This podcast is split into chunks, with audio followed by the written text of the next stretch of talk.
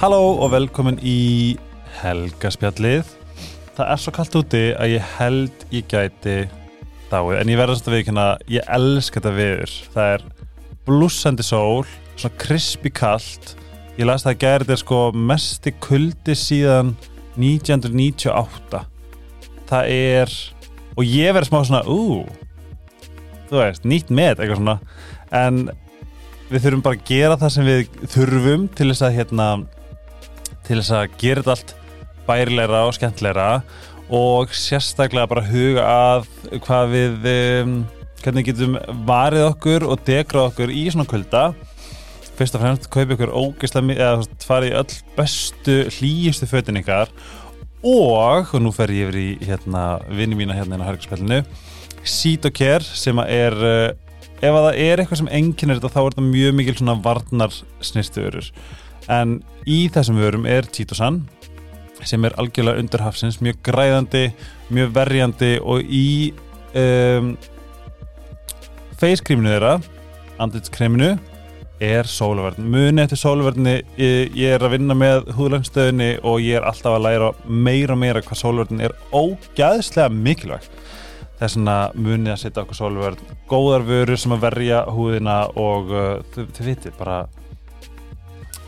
gerir gott fyrir hann á, það er sítukjör ef þið hafið ekki prófað þá verðið þið að prófa. Ef þið hafið ekki prófað þá getið líka kæfti travel kiti, þar er með body scrub, body lotion handábyrðin og uh, face creami ég var alveg að Jón Virmin hafa hérna, handábyrðin því hendunum voru þögt í þessum kulda og hann sagði að, hann, að handa ábyrðin væri að gera undur og stórmerki sem er heldur sítukjær þess vegna ef þið notið afslagkóðan helgarspelli getið þið fengið það ódýrara um að gera prófa. Þetta er eiginlega svolítið svona must try. Uh, Takkið vítaminin ykkar astasaðin er náttúrulega eins og ljósabekkur í hérna, töfluformi heilbreyður ljósabekkur, takk að bless. En í sólinni þá hérna þá er það mjög mikilvægt.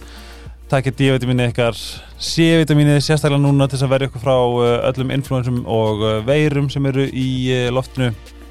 Ásandi að bara gera ótrúlega vel við ykkur. Búa til góða vítamirútinu mótnana byrja daginn á á íslenskum dásamlegum jurtum og, og rótum og næringu. iSerbs er svo storkast fyrirtæki og ég vildi óska þess að ég geti sko farið í heimsá til það þetta er magnalið þannig baki. Dr. Tills, eða eru svo ég kuldaskafið döðans, þá er algjörst haks að bara hoppa í baðið sitt og af þýða e, líka mann með magnísíum og uh, og ilmólium ef þið ekki bað þá náttúrulega I'm so sorry for your loss. En þetta er náttúrulega mesta lífskeiði heiminum að geta farið í bað. Uh, Neutral er líka með mér sem eru þvóttafni og sápur, uh, svansvottar engin ilmöfni, alls konar um, já bara þú veist no-brainer að vera ekki að þrýfa og þvó fötun í einhverjum ilmöfnum og einhverjum aukaefnum. Gera það bara eins náttúrulega og vel og fallega að þið geti og þá er Neutral og góðverði.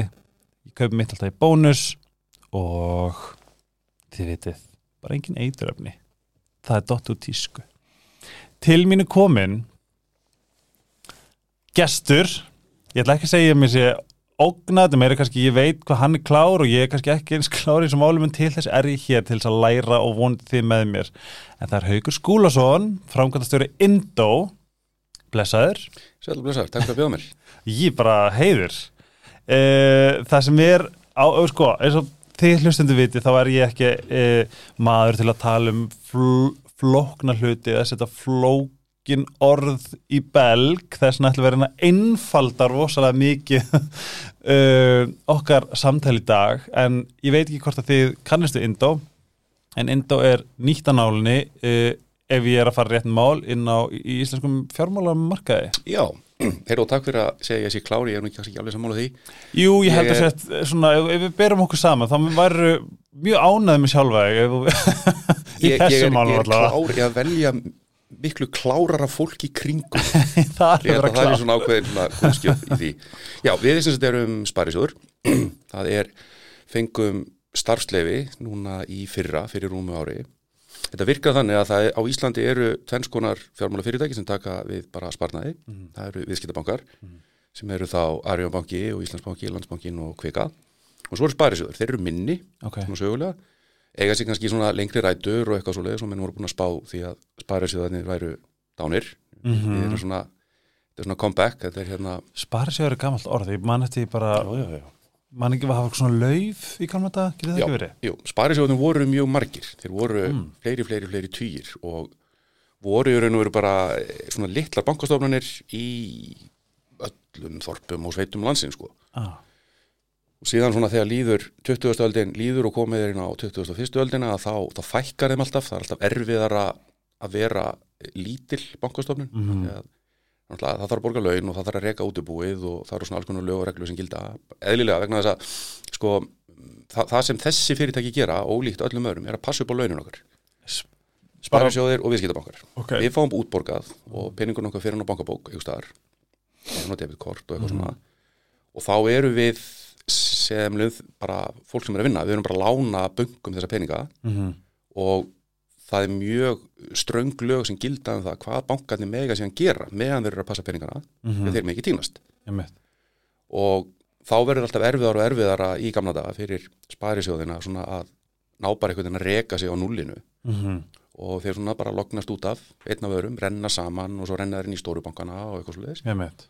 þannig að áður en við komum til sögunar þá voru bara fjóri sparisjóður eftir svo eru við 50 Ok, og hérna vonandi verða fleiri hver er sparisjóður í dag? Bara svona, E, það er sparisjóður höfðkverfinga já, sem er í eigafyrinum það er sparisjóður Norðfjarðar eða sparisjóður Östurlands held ég hann heiti hann er á Norðfyrði, það er neskupstað svo er með, ertu með sparisjóð Strandamanna á Holmavík vá, og sparisjóður Suður Þingeinga sem er á Húsavík og Mývanni Ok, bara fleiri eru þeir ekki sko. Og svo Ok. Indó, Indó sparisjóður. Við erum rosa ána með þennan hóp má ég spyrja eldsvæmt en við förum áfram, hvað er sparisjóður? Bara svona ef við getum algjörlega svona, sparisjóður er fyrirtæki sem býður upp á það að þú getur geimt peningana þína þar á bankareikningum Mhm. og getur síðan lánaðir peninga líka. Um, í raun og veru er engin grundvallar munur á bara landsbankanum og sparisjóð ok, svona, svona praktist fyrir venulegt fólk. Mhm, e, sparisjóður hafa bara sögulega verið minni en það er ekkert sem segir að þeir megi ekki vera stórir. Þeir bara, menn hafa bara ekki farið þessa leið áður. E, þannig að fyrir flesta bara viðskiptavinni þá er engin munur á sparisjóði eða við- viðskiptabanka. Og er ekki frekar um, er ekki tíminn svolítið núna? Því að sko í mínum huga þá finnst mér bankar endilega ekkit vera sérstaklega um, ég veit ekki hvort ég, þú veist það er auðvelt að vera með svona trust issues mm með að við bara að skoða hvaða er mikil hvaða, þú veist, þegar maður skoðar laun, bankastjóra og ásáttíðin kostar 160 miljónir og blábiti blabti blei þú veist, erum við, erum við ekki að tala um kannski að spari sjóður og sérstaklega kannski sem er svona pínu hólsam eða maður svolítið gegnsær sé kannski meira um, hvað hvernig svona getur ekki verið að sparisjóður getur verið svona það sem að við þurfum svolítið núna þegar orðið á böngunum er kannski ekki droslega endilega gott? Jú, sko þetta er bara ágætis punktar sem ég kemur með sko, vegna þess að ég, ég trúi því og maður hefur bara séð það í alls konar geirum, bara öllum fyrirtækjum, öllum rekstri bara almennt hérna og í útlöndum í gegnum tíðina að þegar tilnefingin orðin þannig að fyrirtækin á tilteknum markaði, bara matvælum, matvælamarkaði eða samgöngumarkaði, hvað sem er þegar þau verða fá og stór mm. þá er svona tilnefingin að þau fari að verða til fyrir sjálfsig þá eru þau orðin svo merkileg og eitthvað svona. Og það sem gerist er að þá skapast alltaf rými fyrir nýja aðla til þess að koma inn og svona draga niður í ákveð jafnvægi. Þannig að ég segi, já, núna er sko klárlega tækifæri fyrir okkur að komin á markaðan og miklu, miklu fleiri. Og ég vona svo innilega að það komi það sé eitthvað frábært fólk að núti sem er að velta fyrir sér ætlaði að stofna spærisjóð eða banka eða gera eitthvað sem hugsar, en það er svo flókið, það er svo erfitt. Það, það, það er flókið sko, en það er bara alls ekkit erfitt. Ah. en eh, það þarf að vera með geggjað fólk með sér, það þarf að vita hvað þeir eru að gera. En flóknir hlutir eru bara til þess að leysa það Já.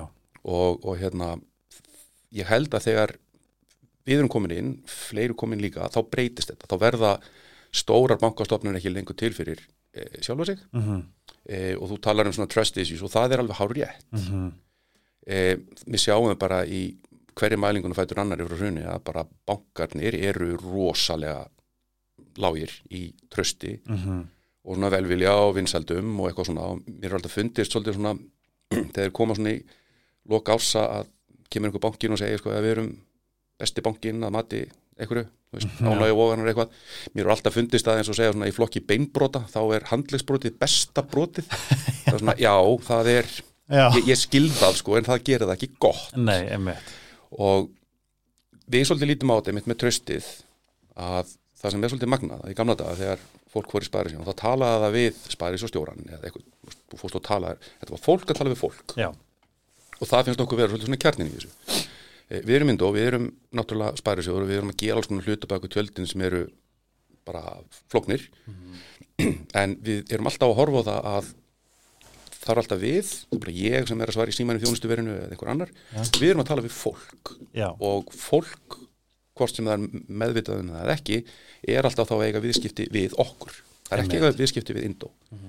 Og ég held að þetta svona tröst byggir svolítið á því að líka vel við fyrirtækið. Já og sérstaklega það kemur eitthvað sem er svona rosalega persónulegt. Já, finna það sé með mann í liði Já, og þér finnst það ef þú ert að tala við einstaklingin. Einmitt. Ég þarf ekki að fara og kaupa mjölkubröði bónus og kunna rosalega vel við Guðmund sem er Guðmund Martinsson sem er frangöldistjóri.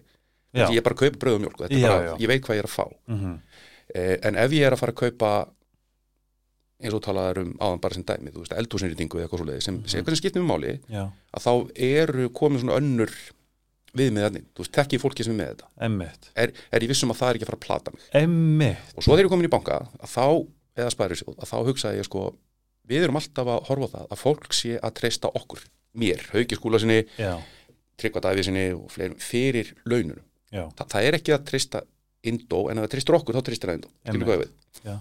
Þannig að þetta er held ég svona líkillinn að því að, að gera þetta vel er bara hlusta á vit, vita alltaf hvað þeir vilja. mhm, Þegar þú verður stór, eins og bankvættan kannski eru, þá gleyma minna þess aðeins. Þá algjörlega ert ekki að hlusta, þá ertu bara að segja, þá ertu að segja þeim, þú átt að treysta mér. Já, þú ert að, ert að segja það sem þú heldur að aðlinn vil heyra Já, og þetta er, sko, ég, og, ég, nú veit nú, og ég er alveg gegn ég veit eitthvað þetta tengist böngum eða ekki en ef við tölum til dæmis bara um námslán það kom status á Facebook daginn þar sem hún var að fara yfir námslánu sín og hún þakk, og bara hvað vá hún er fætt 88 bara ég verður hann 72 ára þegar ég búin að borga upp lánum mín. Mhm. út af einhverjum vöxtum.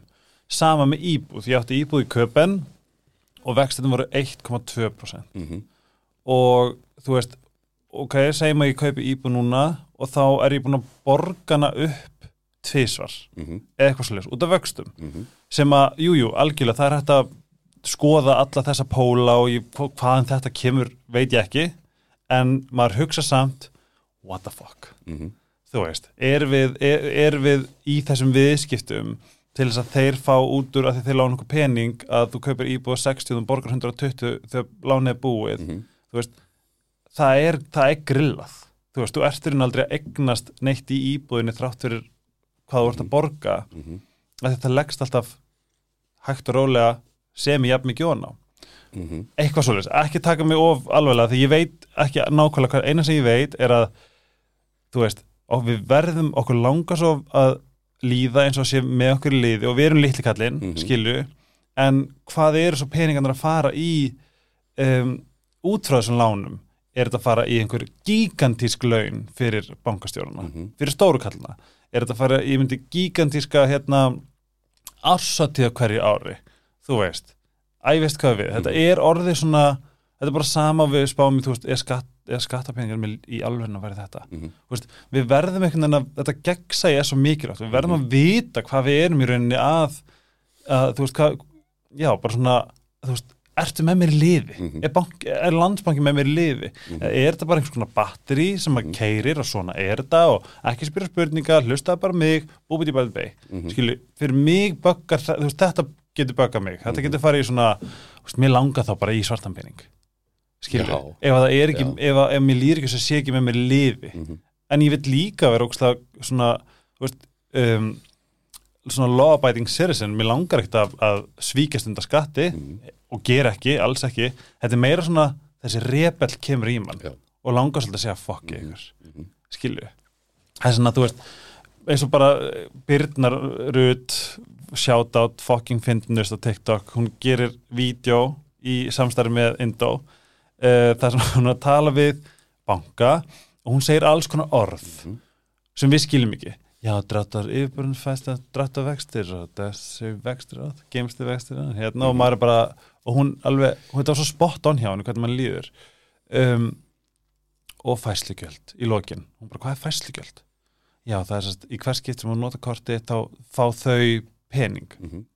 og þetta er svona indáð til dæmis ekki með fæslugjöld Nei, en þeir eru með kort, já, já. Er þið flott? Já, fólk verður bara að fara inn á heimilinu og bara sjá það, sko, Ég finnst að, það ég ættir að sko um, er meira svona, þú veist, ef ég fæ spyrja bara svona, hver, er, hver eru grunngildi og hugsunin á bakvið Indó? Um, að þið gildi svo gott orð, Mhm. lífsgildi. Hver er bara gildi Indó? Og ef þið stækkið munið þið halda þeim Mhm, við erum að tala um ef þið stæk- stækkið gigantist. Mhm. Sko, þetta er nefnilega alveg frábær spurning Við, hérna, e, það sem við göngum alltaf út frá og er svona að kjarna svolítið í það Við erum skilgrunum okkur sem pöngara með gott hjarta. Ú, Þannig að, hérna, ég er pöngari með gott Mér er hjarta. geggjað að vera bara nokkra mánuði að vera 50 úr, ég get satt í þessi pöngari Já, mjög gott E, hjarta Já, með gott hjarta. Og það, það gengur svolítið út á það. Við ætlum að hrista upp í kerfinu Við ætlum að hrista upp í markanum Við ætlum að svona, pínu vera óþekk en við ætlum aldrei að skemma neitt. Nei, við erum ekki að reyna að fara að skemma samkefnina eða graf undan einu þann einu eða vera orðljót eða eitthvað svolítið það má alveg hrist upp í þessu, það má alveg vera svona pínu það er Öld Vaspirans félagi já, Öld Vaspirans snýst um að hrista upp í kerfinu. Let's go. Já, en það þýðir ekki það að við ætlum að fara að skemma því að það er bara ljótt. Nei, nei, e, þannig að við erum svolítið þar. Við hugsum sko, til þess að fólk treyst okkur þá viljum við vera gagsæ einmitt. Og gagsæð er svo þægilegt vegna þess að það er svo nátengt sannleikanum og ég var nú bara alveg upp þannig að ef ég segi alltaf satt þá þarf ég að muna svo lítið. Já, og það er alveg ekki og við erum bara að gera það. Við ætlum bara alltaf að vera gagsæð með það sem við erum að gera. Mm eh, við ætlum líka að vera sangjöld eh, fólk hefur náttúrulega mismunandi kannski sín og það hvað er sangjant -hmm. en okkur hefur fundist það og það hefur bara reynst mjög vel að þegar við tölum um það hvað okkur finnst að vera sangjant og útskýrum af hverju okkur finnst að vera sangjant Mhm. þá skilur fólk það. Þarf ekki endilega að vera sammála sko. Það getur einhvers að okkur borgið ekki ennþá hærri vexti? Mér, mér finnst það sangjant Já, þá segjum við, já, við, við bara getum það ekki vegna þess að við þurfum að hafa einhverja tekjur og eitthvað svoleiðist, þannig að Já. þetta er það sem er sangjandur okkur, já, ok. Ég, ég, ég skil það. Mm e, og svo líka viljum við bara vera pínu skemmtileg Mhm. vegna þess að, sem við erum búin að vera. Þetta er briljant það sem við erum búin að já, gera. takk fyrir það. Ég, ég vann í Íslandsbanka í tíu ár og, og hérna þekkjum alltaf bankakjöri mjög vel. Mhm. og mjög skemmtilegt að vinna það, sko. En það sem kemur upp í hugan á markastildunum þar er ekki það að vera skemmtilegur. Nei, það er að vera svona ábúðafullur og vera með auglýsingarnar það sem út með svona shiny happy people sem Mm. allir og bara, séu bara út úr dópaðir eins og geggjána með að vera búin að fá nýja tegunda yfirdrætti og eitthvað svona. Já, bara, ó, það eru aðeins 7% Já. vextir. Já, og við svona segjum, heyrðu, tökum horfum aðeins á hvað banka myndi gera og gerum því opposite, við erum með auglýsingum með flamingo. Banka myndi ekki gera það. Og gælan og klóstum sem hérna, Já. í- með partí? Já, og það bara, Brilliant. við ætlum að gera þetta svolítið svona. Mm e, og við fengum náttúrulega gaggrinni svona, e, til að byrja með sko, já, þá náttúrulega heldur fólk að þið takið ekki það sem þau eru að gera alvarlega. Mm. og við bara höfum ákveðið það bara alveg frá byrjun, við ætlum bara að treysta fólkinu úti. Það, fólk er bara klárt yfir höfuð. Og það getur alveg gert greina mun og því að við séum með pínu svona flippaðar auðlýsingar Mhm. annars að það einhvern veginn tólki það að við séum að taka það sem við gerum kærulýsislega því að það er ekki það sem við gerum. Mér finnst það mjög í takt við Öld Vaspirans og það sem að, það sem að koma skal. Mm. bara svona yfirförð Já, og svo líka, sko, er þetta kannski líka á þetta rótsina í því, þú talaður um gildin mm við höfum eða ekkert lagt rosa mikla vinnu í það einhvern veginn að skilgreina gildin eiga að vera þessi þrjú orð. Ú, má ég koma hugmynd? Mm? Við erum með ykkur liði Já, en við erum það sko, málið er það og það tengist líka inn í síðan spurninguna En sko, landsbókin getur svo sem alveg verið með þetta líka maður spáður í Já, sko, gildin svona finnst mér í, í hérna á bara fyrirtækjamarkaði hafa verið svona það er svona bylgja sem kemur að vera með gildi, við ætlum að setja þau hérna og svo er þetta bara hér og við getum alltaf vísað í þau. Já, en svo kannski förum við bara stundum eftir já, Vi, við viljum ekkert vera þar vegna þess að öll þessi vinna, hvernig Indó byrtist og hvað Indó er, er sprottið úr því hver við erum. Við erum Einmitt. búin að rosalega mikla svona sjálfskreiningu inn í Indó og allt starfsfólkið í, í bara undarferðin ár og eitthvað svona. Og Indó er bara við. einmitt. Þannig að þegar koma upp á annarkvort áskoranir eða eitthvað skemmtilegt þá erum við alltaf að, þá getum við alltaf sest niður bara hvernig viljum við dagla þetta, hvernig viljum við gera þetta? Og það endur speglast alltaf í einhverju svona, þú getur kallað það gildi en við erum alltaf bara að segja það sem okkur finnst. Mm. og það er, við erum með við erum með svona nokkuð skilir þegar fólk kemur inn eh, kem, byrja að vinna hjá okkur að það verður að segja það sem því finnst um hluti. Það bara við hötum þessa helvitis meðvirkni sem er svo oft og kom inn og finnast eitthvað þú er ekki að segja það vegna þess að þannig er einhver geggjaður forritari sem er svo klár og eitthvað svona þá er bara, þá þarf það að finna þér eitthvað annað að gera vegna hér vil ég vita hvað þér finnst um hluti. Og þá byrtist í raun og veru auglýsingar eins og þeir eru vegna að okkur finnst það bara að vera cool algjörlega. auglýsingar, okkur finnst það bara að vera geggjaðar mm eh, ekki vegna þess að það var einhver geggjuð markastofa sem fann út að þetta myndi mögulega virka á fólk.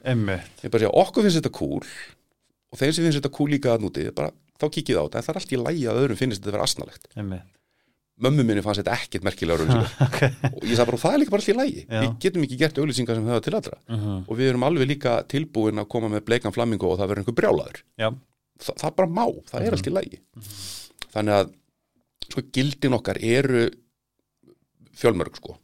Eh, en þau eru bara sprottun upp úr því sem við erum. Þannig að við stöndum svolítið og föllum með því sem við erum að gera og við finnum það líka, alveg eins og við vonuðum og trúðum, trúðum í upphafi að fólk sér í gegnum bullshit. Það sér í gegnum það ef við erum að koma eitthvað gildi og svo er alltaf að hamra á þeim og svo gerum við eitthvað sem er ekki í takt við gildin einmitt. þá er fólk algjörlega búin að spotta það alveg án Það er svo punktum, góður sko. punktur, ég er svo ánur að segja þetta, bara, þú veist, gefur, þú veist, nú, þú veist, bara með hvar við stöndum, ég er hérna bara einhver, þú veist, í íslensku samfélagi, þú veist að sjá í þessum pakka, þú veist, það er óslega heillandi að, að þú vitir, herrið, þú veist, þú veist að gefa okkur hinum minna gæslepa, þú veist, ég veit að sjá þau gegn búlisti, þess vegna langum við bara að vera gagsær. Heitir þetta gagsær eða gagsær? eða bara hvort ekki sko. Ok, gott. Að því ég veit ekki hvort. Það er skilur, veist, þetta, þetta er svona ákveð svona, hei, þú ert ok, þú ert þarna, þú, þú, þú, þú gefur okkur hinn í staðin fyrir að vera um stóri kall sem segir, við þurfum bara að sjá lá, lát, þú veist, þau þurfa bara að virka, þú veist, bara gaslið sem þau til þess að láta að halda til þess að sé bara svona, en svo er það ekki veist. já, en það er líka maður hugsa líka sko, af hverju myndur þú reyna að reyka fyrirtæki öðruvísi? Af hverju ert að reyka fyrirtæki með því að segja fólki eitthvað sem þú veist er ekki rétt? að því ég held að það, það er bara orðið normið í dag. Það er bara svo asnalegt vegna þess að það er svo mikil vinna. Þetta, þetta er svo erfitt að reyka þannig fyrirtæki vegna þess að þetta er nú alveg nógu erfitt samt að reyna að hérna, koma af stað sparisjóðu þannig að við séum ekki að búa til vandamál fyrir okkur sjálf. Að þú sér líka bara pólitík snýst bara, um- er bara þetta. Það er bara komið lofur sem að er svo ekki staðið við og svo eru þeir stjórnmálumenn sem í gegnum tíðina við lítum alltaf mest upp til það, það eru þeir sem bara sögðu bara það sem við fannst Þetta er bara sama tækn og trömpnóta, ég það bara að finna einna heimskasta liði sem trúur öllu til þess að komast áfram. mm -hmm. Fyr, fyrir hans uh, velgengni, ég get ekki svona gefa hann þetta orð, hans uh, bara ego ego og, Mhm. og spillingu það var bara, herri, ég fyrir bara í, republikanuna, mm -hmm. þegar ég þetta allt. Æ, skilju, Mm ok, kannski er ég að fara á land, já, já. Uh, eitt sem ég langar að hérna spyrja þig er, segjum að þetta heldur áfram, að því nú er ég bara svona að, nú er ég bara svona að, að spyrja þig og, og svona pínu kannski skora þig. Segjum að Indó gangi ógeðslega vel, landsbankin finnur, shit, bjóðum honum hérna 2 miljardar og klárum þetta. Við Mhm. verðum að ná þeim, við þurfum einhvern veginn að, þetta er, að- þetta er, að fara- þetta er að ganga á langt. kaupa vandamálið í burtu Já, Já. Ert, þú segjum að þið eru bóðið tvær miljardar á borðið hvar er þetta ekki, af því að er þetta ekki er, þú veist þetta er það sem er, er gert allstar þú veist, uh, hvað heitir þetta Nestle á allt Mhm. þú veist, pharmaceutical companies eiga allt þú veist, fa, þú veist stóru pharmaceuticals eiga health organization gæjan þú veist, þetta er galið Mhm. en það er svo, þetta er það sem að gerist nú ertu minni, komið eitthvað nýtt skor, uh, aðeins að augra þú veist að hrista upp mm -hmm. veist, þetta hlýtur að ógna stóru köllunum og hvernig eru líkunar hver, veist, líkunar að þú fáir 2 mil, mil, 2 millir á borðið hvað myndir þú gera? Ég hef ekkert með 2 millar að gera sko. Bara, honestly, ég, ég, hérna, ég, ég myndi aldrei vita hvað ég ætti að gera við þannig pening og ég hef bara engan áhuga á því sko, sko Gott það, það, er rosalega einfalt að segja hvað ég myndi gera. Mhm. Ég myndi segja, heyrðu, geggja, takk fyrir bóðið Nú veit ég að ég er að gera eitthvað rétt ah. Þannig að við bara sjáumst. Áfram. Vegna þess að, að sko, hérna kannski er þetta bara því að maður er orðin mjög ungur miðaldra maður eða eitthvað sluðis það er bara svo ógeðslega margt annað sem skiptir máli í lífinu heldur en peningar. Maður maður þarf, að, maður þarf vissulega að hafa ísuga á Einmitt. geta haft það bara svona, þú veist, staðið við sína skuldbyrningar og pínu noti lífsins. Já. En ég hef ekkert með það að gera að geta keft með skútu. Nei. Ég bara, ég hef ekkert með það að gera. Sumir, sumir vilja það, sumir finnst það ekki og það er bara allir læg Já. Veist, það er það sem er lífsköllun fólks að eiga fullt af peningum þá eiga allir skilið að finna hvað, hvað gefur þeim lífslöngun. Eh, við erum á vegferð sem er þrýtand og þetta er öll þessi þrjú markmið sem við erum með eru öll jafngild, það er náttúrulega að indó blómstri og dafni og vaksi og verði bara bara gott og stöndugt fyrirtæki, velstætt Þrýfst í samfélaginu. Þrí, já, og við gerum það ekki nema við þrýfist í samfélaginu. Við gerum það ekki með því að vera alltaf einhvern veginn í andstöðu við samfélagi þá bara segir fólk og það er það sem við viljum líka bara, já, þið eru bara fávitar og ég fer eitthvað annað með viðskiptum mín. Þá er ekki bóðið fyrir okkur að vera fávitar Einmitt. Um, það er kannski það, það fyrsta. En númer tvö er það einmitt að allir hinnir aðalegðar á markanum segir bara, heyrðu, ok, við verum bara svona að hætta með þessi fæslugjöld og við verum að hætta með þetta gengisála, við verum að laga vextina vegna þess að við verum að missa fullt af kúnum til Indó Já Ó, hvað ég vona að ef gerist það gerist, Það þá er gerist. það bara high five á línuna hjá okkur þarna vegna þess að við Já. viljum, við viljum ekkert fá alla viðskiptuðin á Íslandi, það er engum holdt Nei við viljum að þetta sé fjölbreytni, við viljum að allir þurfa að hafa fyrir viðskiptafyrinu sínum Mhm. og það sem þá gerist er það að það verður svona aukin sérhæfing Mhm. í staðis að fara í, á eitt stað í kaupfélagið og kaupa allt sem þú sem kaupfélagið segir að þú þurfir Mhm. þá ferur bara í kringluna og kaupir það sem þið langar í Já hvers konar skó og hvers konar skýrtur og allar tegundur á mjólk og eitthvað svoleiðis vegna þess að það er ekki bara eitt kaupfélag sem segir þú mátt bara fá nýmjólk og ekkit annað Einmitt og svo eru bara þessi skór og þeir eru bara til svörtu bara, við breytum þessu Mhm. og síðan er það líka það að það komi fullt, fullt, fullt af aðilum á næstu árum inn á markaðin og fari í svona leifiskildanekstur Mhm. Og segir bara þetta er bara víst hægt Einmitt. það er alltaf búið að telja, vera að telja sko, fólki í fjártækni fyrirverandi bankamörum, bara öllum trúum það að það sé aldrei hægt að fá aftur starfsleifi Mhm. en við gerðum það, við fengum starfsleifi þrátt fyrir allir segðu bara fram á síðustu stundu þið munu aldrei fá starfsleifi Er það? og við bara við spurum bara okkur ekki, já því bara það er ekki svar, ég á fullt af bönnum og þegar ég fæ eitthvað svona, að því bara, já það er ekki svar það verður að koma með eitthvað þannig að þetta þrend er það sem við erum að stefnað Mhm. og það að ætla að koma fullt af peningum sem að þarf ekki þá að halda að vera að kaupa vandamálið í burtu Mhm. já, þá erum við bara hættir, þá ætlum við að gefa í sko. Einmitt Það Það er bara- það sem maður hefði haldið já, og það er það, það, er það sem ég er að fara að gera Vá í, í þessu um, þannig að bara vonandi gerist það Mhm. vonandi gerist það að fara aðeins um fólk sko Mhm. og hérna en ég ætla ekki að fara neitt sko Finnst þér þetta gaman? Er Þetta er það, er það ógeðslega skemmt að þið vel? þetta er ógeðslega gaman, Ok. þetta er, getur við rosalega líjandi af því að það eru alls konar hluti sem komu upp sem það þarf að leysa. Og fæstir af þessum hlutum er eitthvað sem hefur verið leist áður. Mhm. eins og við höfum bara að segja að það eru 32 ár síðan að stopna síðast sparisjóður á Íslandi, Vá. á 1991 síðan þá hefur alltaf teknin gjörbreyst, ekki ekki ár. Uh, síðan þá hefur teknin gjörbreyst. Uh, lag um hverfi hefur algjörlega umbreyst líka. Lög. Já, lög bara hvað þú mátt og hvað þú mátt ekki og hvernig þú átt að reyka fyrirtæki og það er orðið miklu miklu flóknara Mhm. miklu snúnara svona að, að hérna sigla í kringu það. Mhm. e, þannig að þegar við erum að fara að segja um starfsleifi þannig að hefur það ekki verið gert áður. Ah. þannig að við erum svolítið svona að henda hlutum inn í, inn í kosmosið kosmosið er að taka það og hefur ekkert lesa miða við og svo fer eitthvað svona af stað. Mhm. svo þegar við fyrir að stað þá hefur engin áður byrjað banka eins og við eða sparisjóð hafið starfsemi. Þannig að þegar við komum og segjum sko við fáum starfsleifi og svo þurfum við svo líða bara einhverju mánuður þannig til við getum byrjað að gera eitthvað. Já. Vegna að það þarf að tengja saman tölvukerfi og eitthvað sluðis e, síðan þegar við byrjum e, sagt, getum byrjað þá byrjum við rosalega rólega. Að við erum að reyða okkur hérna á fullt af tölvukerfum. Þetta er ekki bara það að gjaldkeri farin í stúkun og opni peningakassan og takja móti ávísunum. Nei. nú er bara fullt af töl, tölvukerfum sem þurfa að virka við þurfum að ná að tengja greiðslukortinu við. Mhm. þannig að það voru margi, margi, margi mánuður í það að vera raunur ekki með neina viðskiptafinni nema bara einhverja handvilli og bara prófa prófa teknina vegna þess að það sem við vildum aldrei gera var það að fara að stað og svo beilar eitthvað og við týnum peningum. Þannig að þetta tekur allt saman tíma. Mhm. og bæði markaðurinn, fólk hefur verið að spyrja hvenær byrjið, hvenær byrjið, hvenær byrjið við segjum bara við byrjum þegar við erum tilbúin. Við getum ekki sagt neina tímasetningu vegna þess að þá værum við ekki við við, bara, við sem erum að vinna hunda og við kunnum ekki við að segja veist, já við hérna, ætlum að gera þetta til þrjá mánuði og svo Mhm. drefst, dregst það og verður fjóra mánuðir við segjum ekki hluti sem við stöndum ekki við Einmitt. og hérna þetta er líka það sem bara til dæmis fjármáleftilitið og, og fleiri hafa líka verið að skilja að þetta sprettur ekkit fram svona fullmótað, við þurfum Nei. bara að fara hægt og rólega af stað og það er ógæslega gaman Já. en það getur líka verið svolítið ógnúgjandi að vera að leysa vandamál sem hafa ekki verið leist áður Mhm. og reyða sig á fólkið og hópin sem maður er að vinna með og segja bara hvernig, hvernig er best að leysa þetta Mhm. hvernig gerum við þetta og okkur bara gengi ákveðlega enga til sko Hvað stjörnum við kærtu?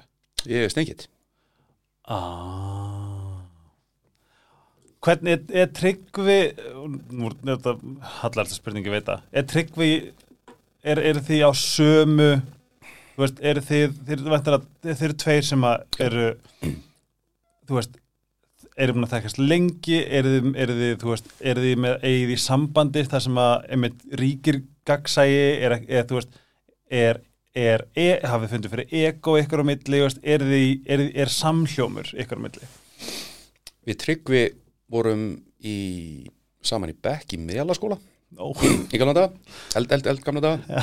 Nei. Við vorum líka, við vorum saman í Bekk í, Hagaskóla líka Já. fyrir þá sem þekkja þessa skóla Spiliðum rosa mikið körfubólta saman. Ok, og hérna þannig að við þekkjumst vel, við líka unnum verkefni saman, við dæmis gerðum hérna rítgerð í sögu níundu bekk, við erum svo gamlega sko að síðasti bekkur í grunnskóla var níundu bekk þegar við vorum í níundu bekk. Ok. Og hérna og svo fann ég þessa rítgerð fyrir einhverjum árum síðan bara ofan í einhverjum kassa hjá mér. Og nú hangir hún upp á vegg á Indó, við erum með svona Wall of Fame. Já, þar er rítgerðun okkar, við erum líka með málverkasafn nei Jú, jú, jú, það eru sem myndir sem börn starfsmann hafa teiknað af Indokvárinu eða eitthvað svo leiðis. Vá, Það verður allir bankar að vera með málverkasafn og málverkasafnið okkar eru myndir sem börn starfsmann hafa teiknað af mömmu í vinnunni eða eitthvað svo leiðis. cute Besta málverkasafn í heimi. E, Það er mjög hólsam það er mjög hólsam, sko. E, sko, líkillinn að því að við erum að gera, held ég það sem við erum að gera vel, er það að við erum mjög oft ósámála Ah, e, og það kallar alltaf fram umræður. mhm.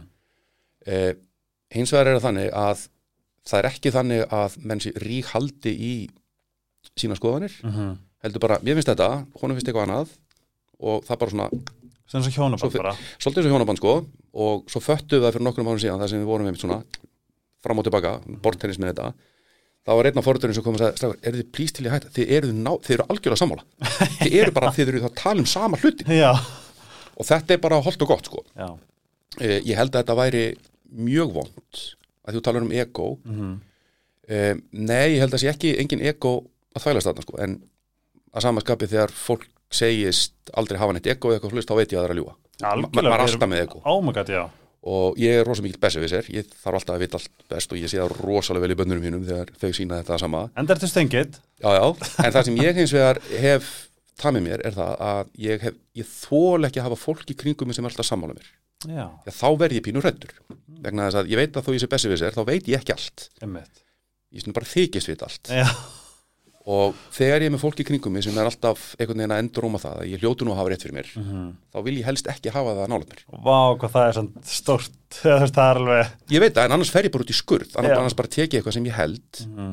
Og ég er alltaf verið að gera greina með því sem um, hlutu, eitthvað sem ég held um og eitthvað sem ég veit um Já, og má ekki ruggla þessu saman en ég er mikið ofta að hor- horfa á þetta sem ég held. Og ég vil hafa fólk í kringum mig sem hefur mig í tjekki skorraðu já, því að þannig koma alltaf bestu niðurstöðunar ég hef enga þörf fyrir að hafa rétt fyrir mér. Nei en mér finnst ógeðslega gaman að þykjast hafa rétt fyrir mér mm.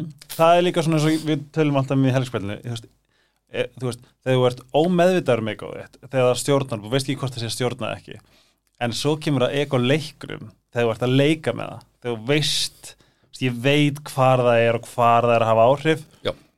það er alveg gaman algjörlega, en fólk sem er stjórnað við egónu og þá við að tala um einmitt bara einhverja algjöra rudda skilju Mhm.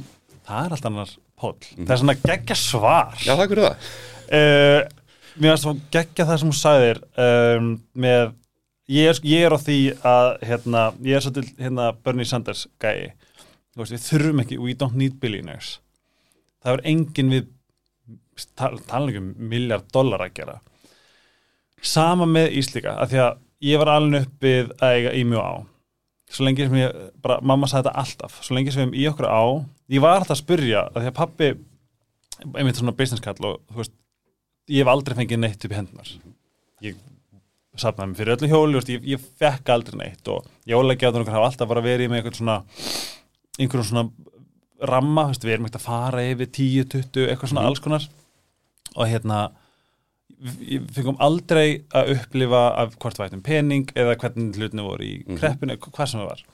Og þetta var alltaf að eina sem ég fekk að segja. Ef ég var, mamma erum við rík? Þú veist, já, við erum ógislega rík við erum, erum heilbrið, við erum þak við erum alltaf eitthvað að borða þú ert fullt af fötum í skáp við erum ógislega rík. Mm og koncept af peningum var ekkert rosalega mikið einhvern veginn í samtalinu. Þess vegna fannst mér þetta að vera svo gott þegar þú sagðir þetta að þú veist og við höfum rætta líka, þú veist, ok það er, er eikuleikur að kaupa sér Rolex.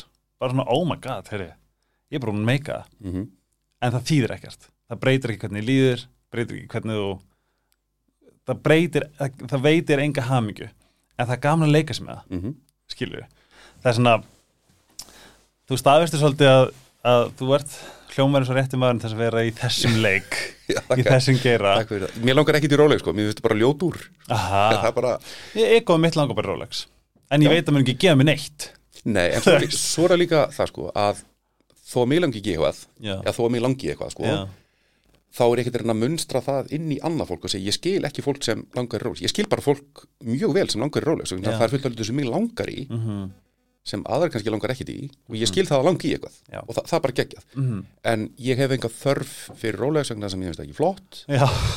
Og ég hef enga þörf á að eiga 25 miljón krona jeppa. Nei, en ég skil alveg fólk sem mér finnst, ég held að það sé bara geggjað. Já, og eina sem ég segi, verður bara vissum að ég langi hlutin sem þið langi. Já, og á réttum fórsendum, ekki vegna þess að ég ætla að skuldsita mig upp í rjáur til þess að kaupa Rolex úr af því að ég vil að aðrir halda mig gangi Já, það er ekki, það er ekki svo gott þú getur alveg bara sett sokki í hérna, þú veist, down there og bara Já. halda fram Já. en hérna, eitt sem að spyrja hvernig, þú veist, núna, núna veistu væntalega að þú ert að fara í og ert væntalega búin að vera mikill í kerslu þegar kemur að vinnu. Mm um, hvað gerir spurning eitt, hvað, hvað ætlar að gera fyrir þig til þess að halda þú veist fókus og andleri hilsu og þú veist vera halda þessu svona wholesomeness sem þú býr yfir og hvað hvernig, hvernig er þetta með þú veist starfsfólk, hvað vilt að starfsfólk geri og hvernig svona, ertu með einhverja hugsun um hvernig þú heldur starfsfólki, hvernig þú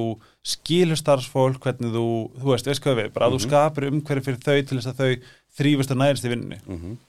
sko þetta er þetta held ég sé rosalega mikilvægt og ég held að ef þú spyrð fólk almennt þá komum bara svona bullshit svör. Mm -hmm, nefnilega. uh, ég minn dagur er náttúrulega bara svona í, í þokkalegri rútínu alltaf. Ég, ég er með tvo drengi á leikskólaaldri og ég er líka með tvö börn í grunnskóla. Mm.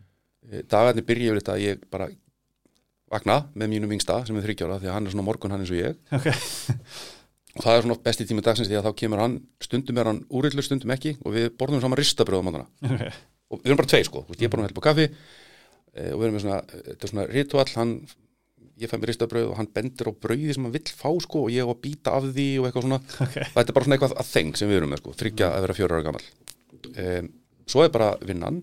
E, ég reyna að komast á æfingu. Þetta er ekkert rosalega við það síðast leina mánu, það er bara ekki tími það. En ég verða að fara á æfingu bara til þess að halda orkunni og svo bara yfirleitt um klukkan fjögur þá er ég farin að sækja í leikskólan, mm -hmm. kona mín er líka að vinna mikið og við skiptum þessu svona millökar mm og ég hef bara fundið það að ég funkar ekkert rosalega vel ef ég er að vinna meira heldur en svona 7-8 tíma dag. Ok. allt sem er umfram það þá er, ég, þá er átpútið ekki neitt. Einmitt. og ef ég reynir það að þá er ég bara reynir þreyttari daginn eftir og þá mingar átpútið þá. Þannig að ég reynir bara að kópla mig út þá. Eh, maður er að fara í tölvuna á síman og það kemur eitthvað upp á maður þarf að klára eitthvað að maður gera það á kvöldin reyna bara að gera margt má bara býða þannig til daginn eftir Það er að koma eitthvað heldis podcast á sunnudegi. einmitt, akkurat og hérna eh, og þetta er svona það sem ég ger ég hérna reynir bara að hanga þess með bönnunum mínum Mhm. ég á líka tvo drengi sem eru orðin fullorðin, reyna að hitta þá, ég er að vera af í næsta mánuði, ógstlega spennt fyrir því Hvað áttu mörg börn? sex börn, Vel gert já, þetta er svona þetta, Já, bara Guður anja. Já, það bara e- eitt, eitt hver þeirra þarf að slá í gegn og sem hún pappa gamla í, ellinni, sko. Eh, og mér finnst bara svo gaman að börnum. Eh, uppáhaldsdagur vikunum minn er lögadagur vegna þess að eh, fyrir svona þrett- 13 ára síðan þá flæktist ég inn í íþrótt sem heitir Taekwondo. Ný. Og hérna var hérna, fannst ógæslega gaman að æfa það og síðan byrjaði ég að kenna og ég er að kenna á lögadagsmótnum Taekwondo? Upp í afturreldingu, já, krökkum 3 til 6 ára. Nei. Það er það besta í heimi að gera það. Vá. og það eru strákunum mínir og, og hérna, ég ætla að fara að gera meira því næsta veitur vegna þess að þessi næstingsti, hann fyrir fyrsta bekk og þá breytist það eins aðeins fyrir komulega en ég ætla að fylgja honum og vinum hans upp í þannig ég hef mikið verið að kenna það, það er ógæslega gaman. E, þar fæ ég rosa miklu orku. Og svo speglast þetta svolítið bara inn í þá fólki sem ég er að vinna með þar sem hérna, við erum það er rosalega mörg börn og ung börn hjá starfsfólkinu og ég brýn svolítið fyrir fólki ekki missi ykkur í vinnu. Það er rosalega sjaldan sem eitthvað þarf að gera og það má ekki býða um, sumir vinna lengi og mikið vegna sem finnst það gaman. Svo bara koma ykkur skorpur og eitthvað sluðis en mér finnst alveg rosalega mikilvægt að fólk sé að hugsa um sjálft sig. Mhm. og ég er ekki að segja fólki hvað það á að gera. En ég hérna mm, hvernig það á að haga sinnum hlutum. En mér finnst mikilvægt að það eigi sér líf utan vinnunar Mhm. og svo vinna er mikilvægri heldur en vinnan sem við erum að vinna. Vegna þess að ég hef aldrei lesið minningagrein það sem kemur fyrirhandi yfirmaður og talar um hvað viðkomandi var svolítið góður í vinnunni. Ég ég, sé það ekki sko. Þetta. og þannig að þetta er bara svolítið það sko, ekki reyna að vera hérna eitthvað svona já ég vakna klukkan 6 og byrja að hugleiða og svo renni ég yfir það helsta í viðskiptafréttum í Asi og eitthvað. Já, það er bara kæfta, þetta gerir þetta enginn. Nei. Þetta er eins og bókin á náttborinu, ég, er búin að tala með þetta frá því ég byrjaði, ég hérna ef ég spurði hvað bókar á náttborinu þá er svarið alltaf hjá fólki svona, já, er með hérna átta, New Earth. Já, New Earth eða átta ávanar highly successful people. Já, Rich Dad, Poor Dad. það les þetta enginn. Ég er bara með einhverja sci-fi reyfara og eitthvað bara svona rugg í kindlinu mínu vegna sem ég finnst það bara skemmtilegt sko. Já, já. Þannig svona Indiana Jones bækur og eitthvað svona, ég les ekki hitt, þetta er bara ég finnst það bara bull. Já. Um, að Því að núna er mjög örgulega bara, bara orð ársins 2000 og eitthvað. þú veist, kulnun Já. kulnun og svo er mikið verið að tala um þú veist, rannsóna var sínt að stittri vinnudagar eh, þýðir í rauninni more efficiency, veit ég hvað það þýðir mm Mhm. svona meiri skilvirkni um, er þetta eitthvað sem að þú, þú veist, spáir í, í, í þú veist, þínu í, í þínu business og um, tek, er, þú veist, hvað COVID kennur okkur, þú veist, Mhm. er, er þetta að vinna remote, þú veist, hvað er eitthvað svona er, er, er einhver svona hugsun á bakverunni þar sem um, í rauninni þessi vandamál sem er mjög ríkjandi í, í, í vinnu uh, svo er með eitthvað aðra spurningu sem ég er búin að gleyma en hún kemur. Hún kemur.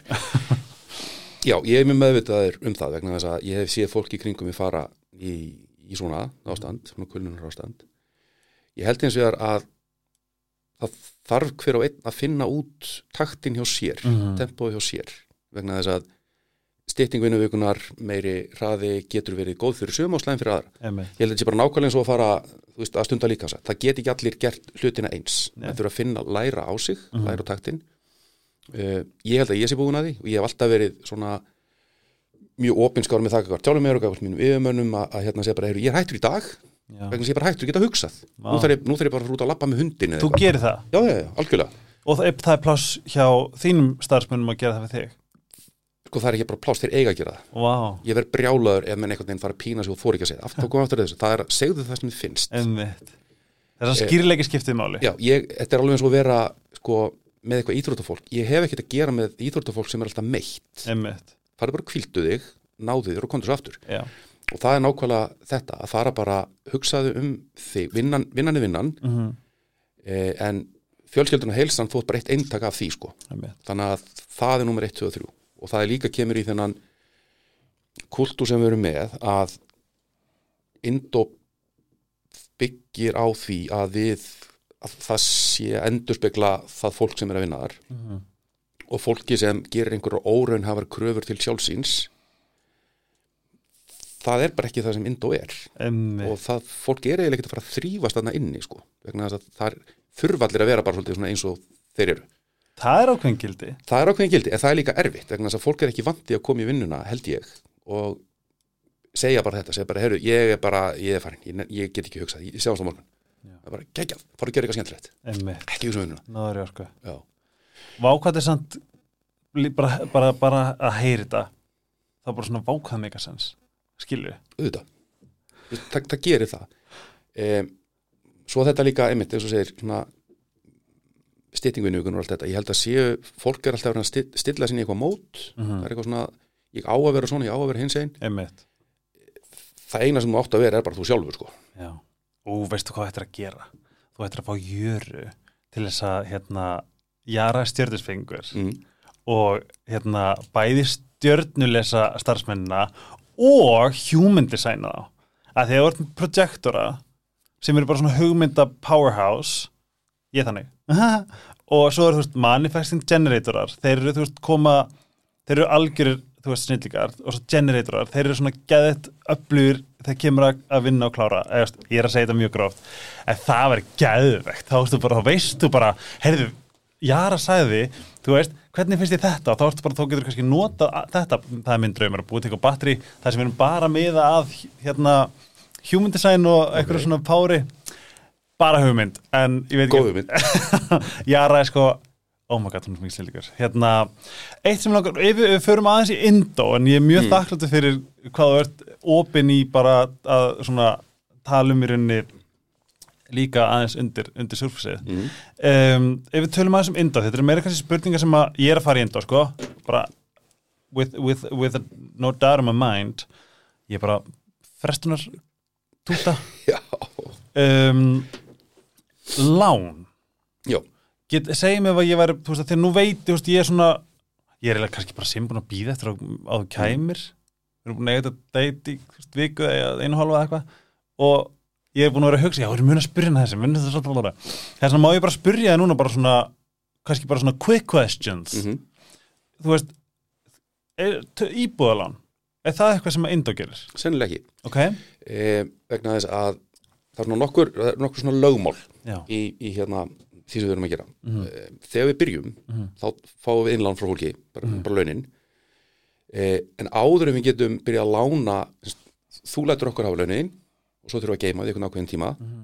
kannski nokkra daga, kannski einhverja mánuði Mhm. við bara vitum það ekki Já, þannig að meðan ég veit ekki hvenar þú þarft að fá launin tilbaka já þá verð ég bara að býða með þau mm. þau bara verið hér en ef ég til dæmis veit að ég kom eitthvað spartnað og eitthvað svona, þú ert bara upp eitthvað spartnað sem þú ætlar að nota í ellinni Já þá get ég notað hluta af þeim peningum til þess að lána öðrum ah. Og Þannig þannig virka bankar og ekki þann, þannig, Ég- þannig virka bankar. Já, ég vissi það ekki fyrir bara fyrir stuttu sko. Já, og þá erum við að segja það. Við erum að nota innlán fólks mm til þess að lána öðrum og þann, þannig virka bankar. -hmm.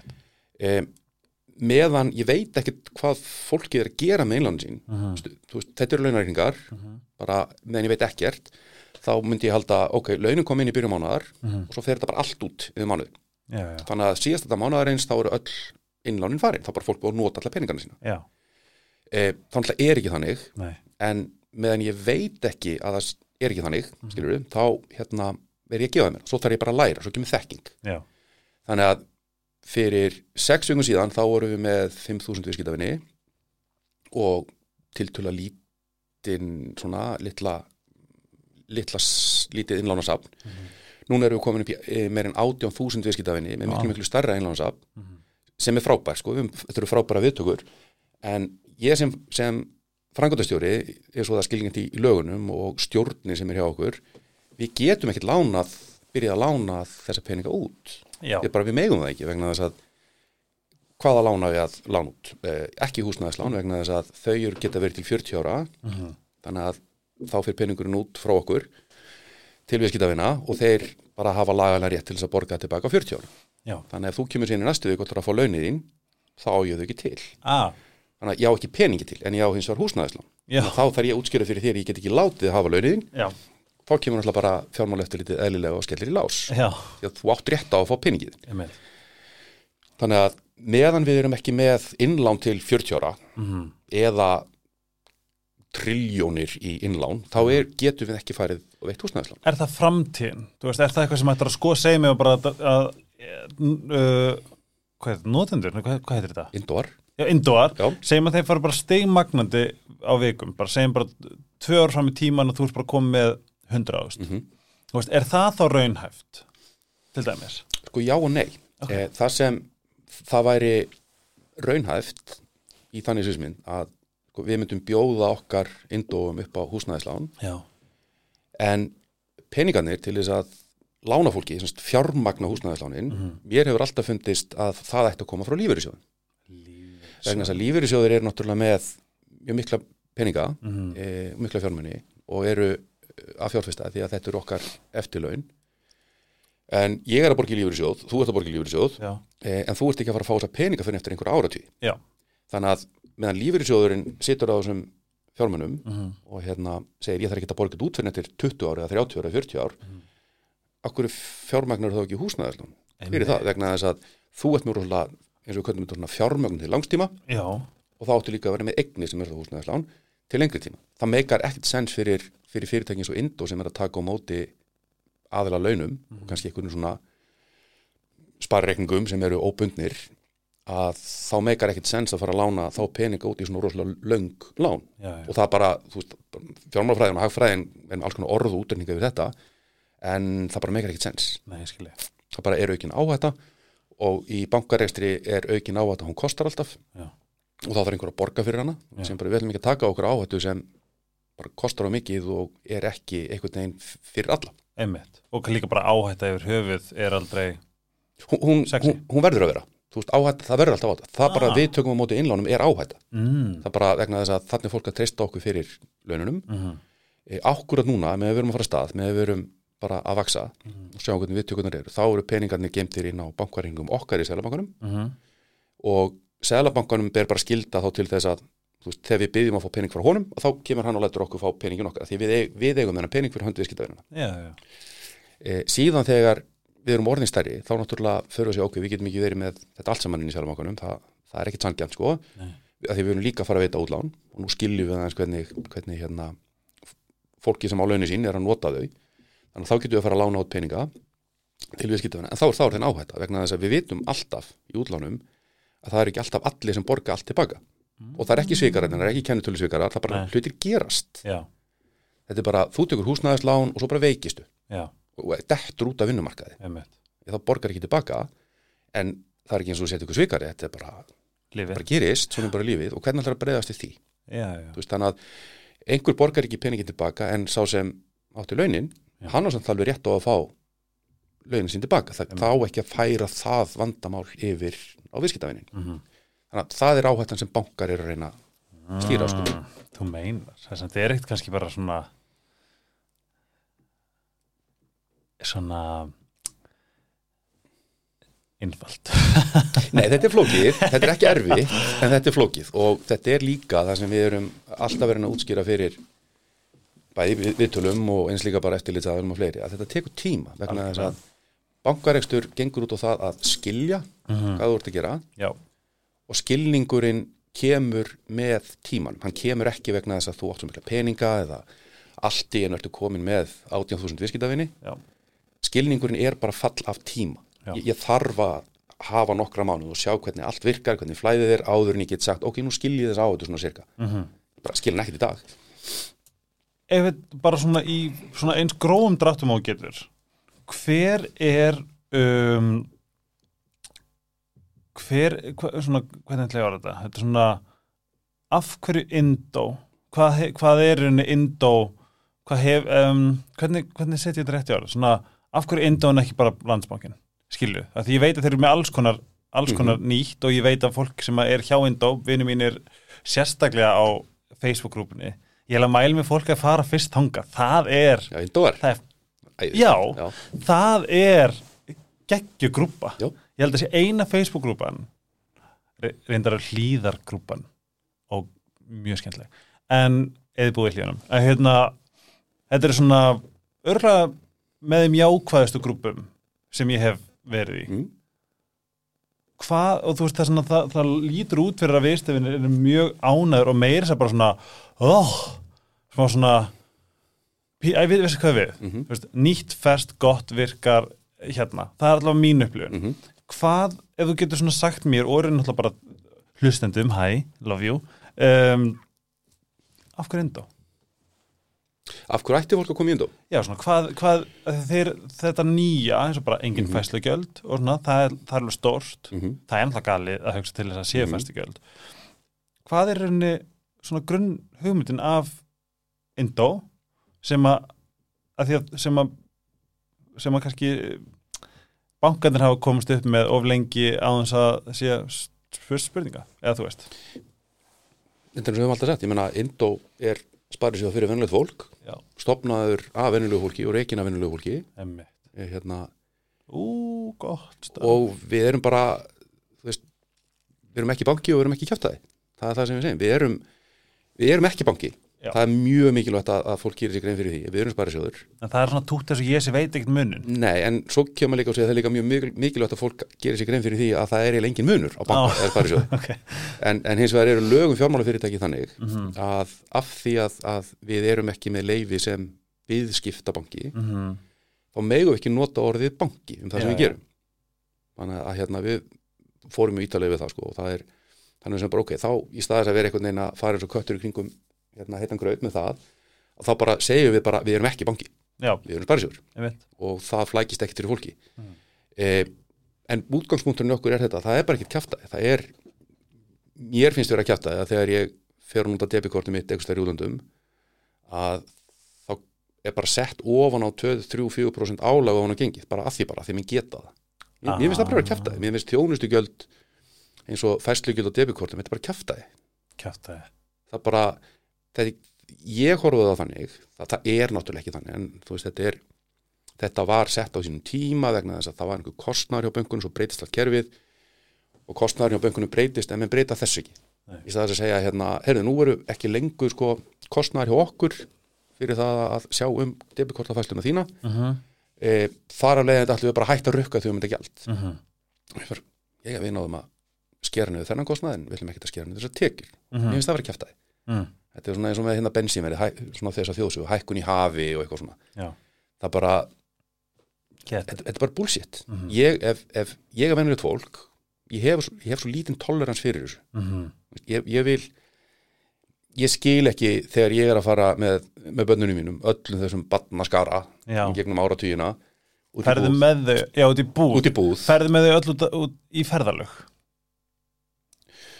Munduru Nei, ég hef ekki náðu að fara með þau öll út í fölga, því að það er náttúrulega, mínir tveir elstur eru bara fullandi menn, sko. Já, Þannig að þetta er svona, seg að þú talar um að þú ert að vera 50 já, Mér finnst hugmynd að fara með sex börn í hérna, ferðalög óbærileg Hvernig, hvað stendur þú það? e e- ekki ef þessi tvö elstu eru sko 25 og 21 Já, ok. Þá, þá, er, þá er það ekki rosalega óbærilegt sko. Ok, og hérna, nei, en ef þau væri öllum til 10 ára þá já, ég myndi ekki gera það. Eh, en það er líka þetta sko að hérna, þegar ég fyrir til búð, að kaupa bara blandi póka fyrir 500 kall fyrir, fyrir bönni mín og þá kostar hennur ekki 500, heldur 520 já, af því að það er einhver svona bankatúti eins og ég var. Kanada það er svona tapp í öxlina og maður segir nú, fá 20 krónur líka bara, af hverju? Já. bara, af því, ég get það já það, það, það, það, er bara kjaftaði það er svona bully vibe. Já, og þetta er svona, þetta er bara bullshit.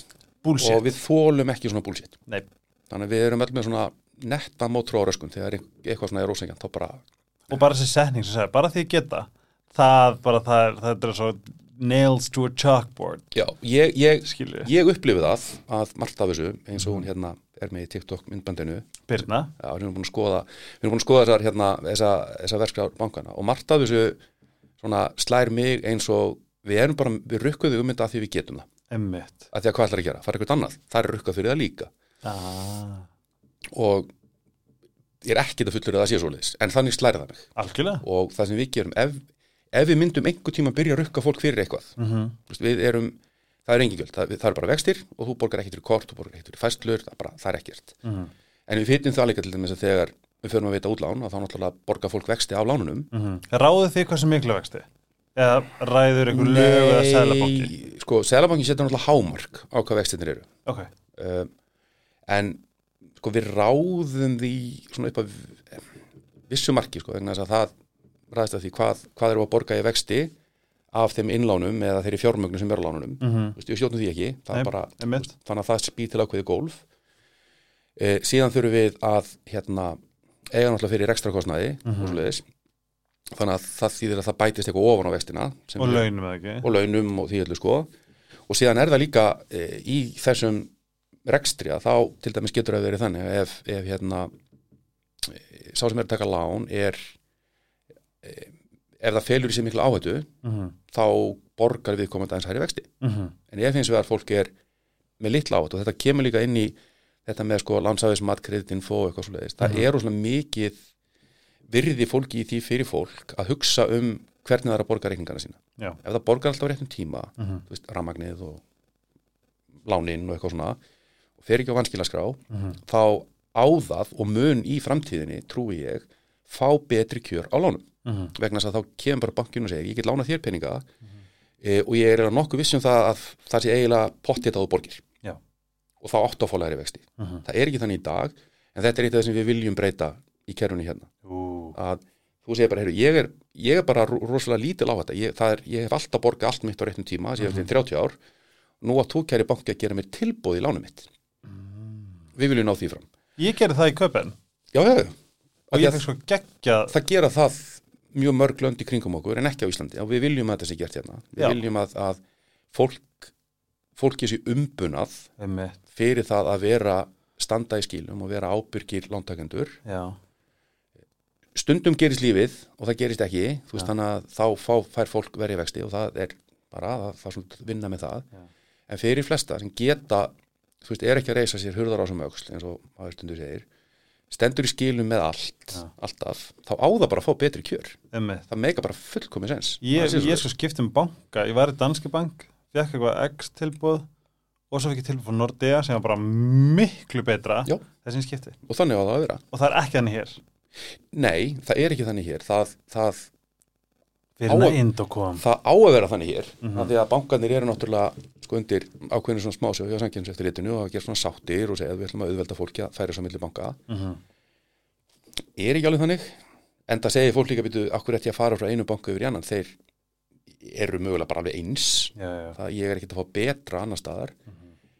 Þá komum við aftur þessu sem ég sagði um daginn nei, ég sagði áðan að hérna við viljum fá miklu fleiri inn, við viljum að þetta verði raunverulega valkostur.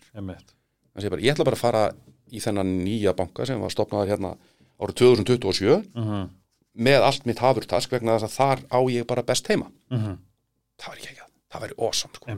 Þetta var líka bara svona, ég mám hvað var hressandi og maður sá þetta líka í Danmarku sérstaklega sko símafyrirtækin að Já. fylgjast með samkeppni Já. Þú varst bara eitthvað, wow, herru, ég ætla að skipta herru, ú, næ, ég ætla að skipta. Skilur, þetta var eitthvað svona það þetta var ákveði gaman að Já. fylgjast með En ef ég spyrði þig svona smá, þú veist, nú ertu búin að vinna í banka mm og hvað það er, tíu ár? Já, um, Íslandsbanka ekki satt? Jú. eru bankar með okkur liði? Hvernig hugsaðu um í raunni uh, uh, hæst settu mennina innan bankans? Bara fínt fólk sko. Já, já, já. Sínst það ekki bara um peninga og græða og bónusa og Nei, sko ég get bara sagt það sem mér finnst og ég er Mhm. ekkert að draga í efa upplifanir fólks eða fullir að fólk sé með einhvern ákveðnum hætti nei, nei, nei. e, ég er líka bara að vera smá svona ég, ég veit það, ég veit það og þetta er ekkert rosalega vinsalt kannski endilega þetta er ekkert svona vinsæl skoðun en ég þekki bara rosalega marga sem er að vinna í bönkunum Mhm. og þetta er bara fyrirmynda fólk sko þetta er bara, þetta er klárt fólk, þetta er gott fólk það er reyna að vinna vinnur sem eins vel og það mögulega getur Mhm. og ég hef ekki nema bara eitt gott um þetta fólk að segja sko ég trú er en mér langar samt í meira dirt Já, ég veit það, ég ég veit að fólk langar í svoleið, sko, örgulega finnst, fyrir finnst þannig fólk, sko, en, en hérna, ég hef ekkert, eh, svona, hérna, upplifað það að fólk í böngunum sé svona eins og Shylock í, kaupmaðurinn í fenni, sem svona nuttar saman lófunum og reynir að kríja á hver einustu krónu sem það getur út úr öllu. Ég hef ekki séð það, sko, þetta er bara, þetta er ógeðslega gott og vanda fólk og er bara að vinna með bara tækju tól í stóru böngunum sem eru, gætu bara verið miklu betri. Mhm. ég segi, ég, ég your credibility is really good þess að ég trúir, ég held bara að það sé svona, þetta er líka rebelin í mér er pínu svona það er eitthvað sem að, veist, eins og veist, ég, veist, ég fíla að þú situr á mótum og segir kjaftaði, að því að þú veist, það er bara svo mikið alvör, það er svo mikið trúveruleik í því, Já, skilju við, segjum ekki kjaftaði, nema að sé kjaftaði, Mhm. við finnst það eitthvað svo hressandi, skilju, og líka bara eins og segi, öld vaspirans snýst um að um, hreyfa í kerfum Mhm. og veist, alls konar og þú veist það er eitthvað svona magna að gerast í andurslóttinu þar sem að valdi er svolítið að fara til fólksins Já. skilju, veist, hægt og rólega er skólakerfi bara að fara að falla Mhm. þú veist, af því að það er bara, það er ekki að taka þátt í það sem að, veist, börn eða nefnundur þurfa, Mhm. skilju við vitum núna að þú getur stofnað fyrirtæki og bara gert sjúklega góða hluti með því að læra á fyrirtæki þrátt fyrir að vera með sko mentaskólagráðu, Já, skilju Þa, það er nefnilega, sko, þetta er alltaf mér, þetta er, þú þarft að, þarft að kunna handtökin, sko, mm -hmm. og það að kunna handtökin í því að búa til, stopna og koma fjármála fyrirtækja stað, það eru svona mörg handtök sem það er að kunna. Já, eða bara eitthvað fyrirtæki skilju Já, já, og það er bara sama, ef ég ætlaði að fara að stopna það, ég myndi ekki vita hvernig þetta gera það. En myndir ekki læra það bara in the process? Jú, eða að vera með svona ákveðna þekkingu á því sem þú veist að gera. Ég held að þetta sé, þetta, er það, og þú veist hvort sem að fjármála fyrirtæki eða eitthvað annað, þá er, sko, þú þarft að kunna handtök, mm -hmm. þau getur verið mjög slókin, eh, en þegar fólk kann þau, þá eru þau ekki erfið. Er hérna, eins og ég hérna sagði við árum við byrjum að þetta er, það kunnildur að hjóla en það getur engin útskýrt fyrir öðrum. Já, ég get ekki útskýrt fyrir bönnunum mínu hvernig þau eiga að hjóla, þetta Nei. er bara svona ég kann þetta en ég get ekki útskýrt það. E, síðan er þetta sem kemur bara með reynslunni Mhm. og það er þetta þessi skilningur, hvað er þetta að gera? Þú, ert- þú ert með fólk, hérna, þú ert með viðskiptavinni og það er rosa st- stórt stökk að segja, ég er með viðskiptavinni, ég ætla bara að treysta Já, ég ætla að treysta þeim að fara inn á Indó-hópin eða Facebook-grúpuna og það er ekki dritskoð. Vi, við munum henda út einhverju sem kemur og það sem verða nýða skóin af einhverjum eða rasismi eða Mm bara e- einhvers konar bara svona útskúfun sko. Já. þú veist þegar fólk fer algjörlega við strikið en Já. þegar það er að spurja hluti þegar það er ósátt við eitthvað við hendum sem ekki út sko. þú getur ekki verið gagsar stundum það þarf að vera gagsar alltaf Já, ég held að þú hefði svarað einu sem var, sem ég veit núna sem ég þarf ekki að spyrja það er bara svona, hvernig tókst ykkur þetta? Hvernig haldið þessu gangandi? Og varst ekki þú sem bara eitthvað skrifaðir útskýrðir og allir bara eitthvað Já. Ú, gæðveit, takk. Bara, allt var bara svona eins og eitthvað svona þetta var smá svona, bara svona veginn eftir á, eftir á svaraðir Já, við erum svo þakklátt fyrir það. Já, og þetta er ekki eitthvað svona sem er eitthvað úthugsað, eitthvað deild sem er að segja á að svara. Við bara Nei. hoppum inn og segjum bara, heyrðu, ég, ég ætla bara að svara eins bara heðal og ég get. Já, og ég treysti þeim sem er að lesa þetta og ég treysti indóðunum til þess að sjá í gegnum einmitt. og ef þau bara sjá að þetta er bara úkslega einlægt svar þetta er ekkit endilega kannski svar sem þau vildu fá Nei. eða reiknuðu með Eða að sko þetta meira bara þetta, þetta svar sem að það var ekkert verið, þú varst ekki að nota neinn orð til þess að flækja til þess að fólk bara svona, að, ah, ok, þú veist. Nei, við þurfum þess ekki, þetta er hérna ég þarf alltaf að geta útskýrt það sem ég er að gera mm, á bara þann hátt sem fólk skilur. Vegna þess að þannig er það. Ef ég, ég svona hef allt svona haft það motto ef ég get ekki útskýrt hlutina fyrir, fyrir hérna mömmu minni og skilja það bara ekki nógu vel. Emmi ef ég skil hlutina vel þá get ég útskýrt það á mannamáli. Já, þannig að ef ég þarf að vera með einhverja flækjur þá er það ekki vandamál þeirra sem er að hlusta. Það er mitt vandamál, ég þarf ekki að útskýrt þetta. Þú ert svolítið mögnu típa bara að geta að að segja þetta bara svona, þetta er alveg rétt, veist, þetta er alveg rétt. En, en það er eitthvað margir sem að myndi segja þetta. Nei, en ég skil ekki ákveður sko. Mér mér- mér- mér finnst það er mitt vera svona magna Þetta er bara Ég hef bara ekki orku í það að vera einhverjir margir persónuleika sko. Nei, Ég er bara ég. Einnig ná Einni nóg og það er fullt af fólki sem líkar ekkert við mig og eitthvað svoleiðis og það er bara allir læg það, er já. það er bara líka ekki Við erum ekki hönnu til þess að vera alltaf ég, þarf, ég þarf bara Mér þarf að líka vel við mig. Það er nummer 1, 2 og 3 Ó, þetta var write that shit down. Þetta er líka bara, þetta er held ég bara svona líkill hamingju. Ef þú ert fullkomlega, ef þú verið fullkomlega sáttur í þér og hverðu ert og hvað þú segir og hvað stendur fyrir er það ekki bara ná Jú, ég held að um, ó, nú þetta alltaf út um mér jú, ég ætla að spyrja þig, inda eftir tíu ár bara svona, hvað sérðu? Það er ekki verið með eitthvað gæðið cool skrifstofu ú, ég skal Ég skal segja, myndum á þetta þegar við erum hægt að rekka. Ég veit geggja hugmynd. In- Indó eftir tíu ár eh, við verðum með Indó að grúppun á Facebook sem verður miklu stærri, hún voru alveg geggjuð við verðum komið með fleiri tegundur einlánu, við verðum komið með útlán og við verðum komið með svona þessa bara þetta sem fólk tengi við bara bankaþjónustu bara ekki ekki að, gerum það, við erum alltaf að gera það sem er forskiptin, þetta er alltaf bara á the Indo way eins og við tölum um það. Og bara eftir tíu ár, já þá er ég sennilega bara hægt að snemmi í vinnun og færi tíu ára amali hérna, barnabassins mín sko. Ó, Ég held að það sé bara það, sko. Já, ég veit það ekki, ég veit ekki hvað við verðum eftir tíu ár. Um, en því við erum alltaf svo sem við hugsaum það, við ætlum bara að gera við höldum áfram að gera þetta eins og við verðum að gera við höldum að vera að trúa okkur sjálfum. Og þá bara svona hefur, hafa hlutinir yfirleitt tilningu til þess að ganga bara vel upp um, geðu ykkur skrifstofum við erum í frábæra skrifstofum núna sko. við, erum þið? við erum að leia bara rými fyrir ofan Bræðun Ormsson Nei. í Lámúla um, gætum þurft að fara í eitthvað svona eitthvað stærra rými og ég á mér þann draum að hérna fara í Það er ég nefnilega með hugmynd. já, í geggjað skrifstofurimi sem væri alveg awesome sko Mhm. og það væri að leigja svona, svona yðnaðarbill það sem svona bifræðvestæðiru Já, e, og vera þar já. með höfustöðunar og vera síðan sko á miðjunni í rýminu er liftan fyrir bílana Já, og þá getur við svona verið með svona þessa vikuna er svona það svona happdrætt og svo alltaf eitt sem fær að sitja á liftunni fyrir ofan alla hinn mér finnst það verið geggjað sko. vegna þess að mér langar ekki glerhöll og mér langar ekki að fara í eitthvað turn og mér langar ekki til þess að hérna, vera með eitthvað stöðlabörg utan á húsinu, mér langar til þess að gera eitthvað svona skrítið einmitt. Ó, ég með svo mikið heita þetta stöðluberga þetta. Já. gróðurhús það Einmitt. væri Ég geggjað sé í fyrir- anda flamingóna, vera með gróðurhús Já. allir geta verið í stuttbúsum í vinnunni Já. Ég sé fyrir mér eitthvað Það svona væri awesome. geðveikt, svona sennað, einmitt svona fullt af sustainability og svona japandi aesthetic. Ó, það verið geðveikt. það væri kúl, ég væri til í það ég ætla, ég ætla að ræða þetta við þau á morgun Ángríns. Hérna, er eitthvað sem þú vilt koma á framfæri? Þú veist, er eitthvað svona...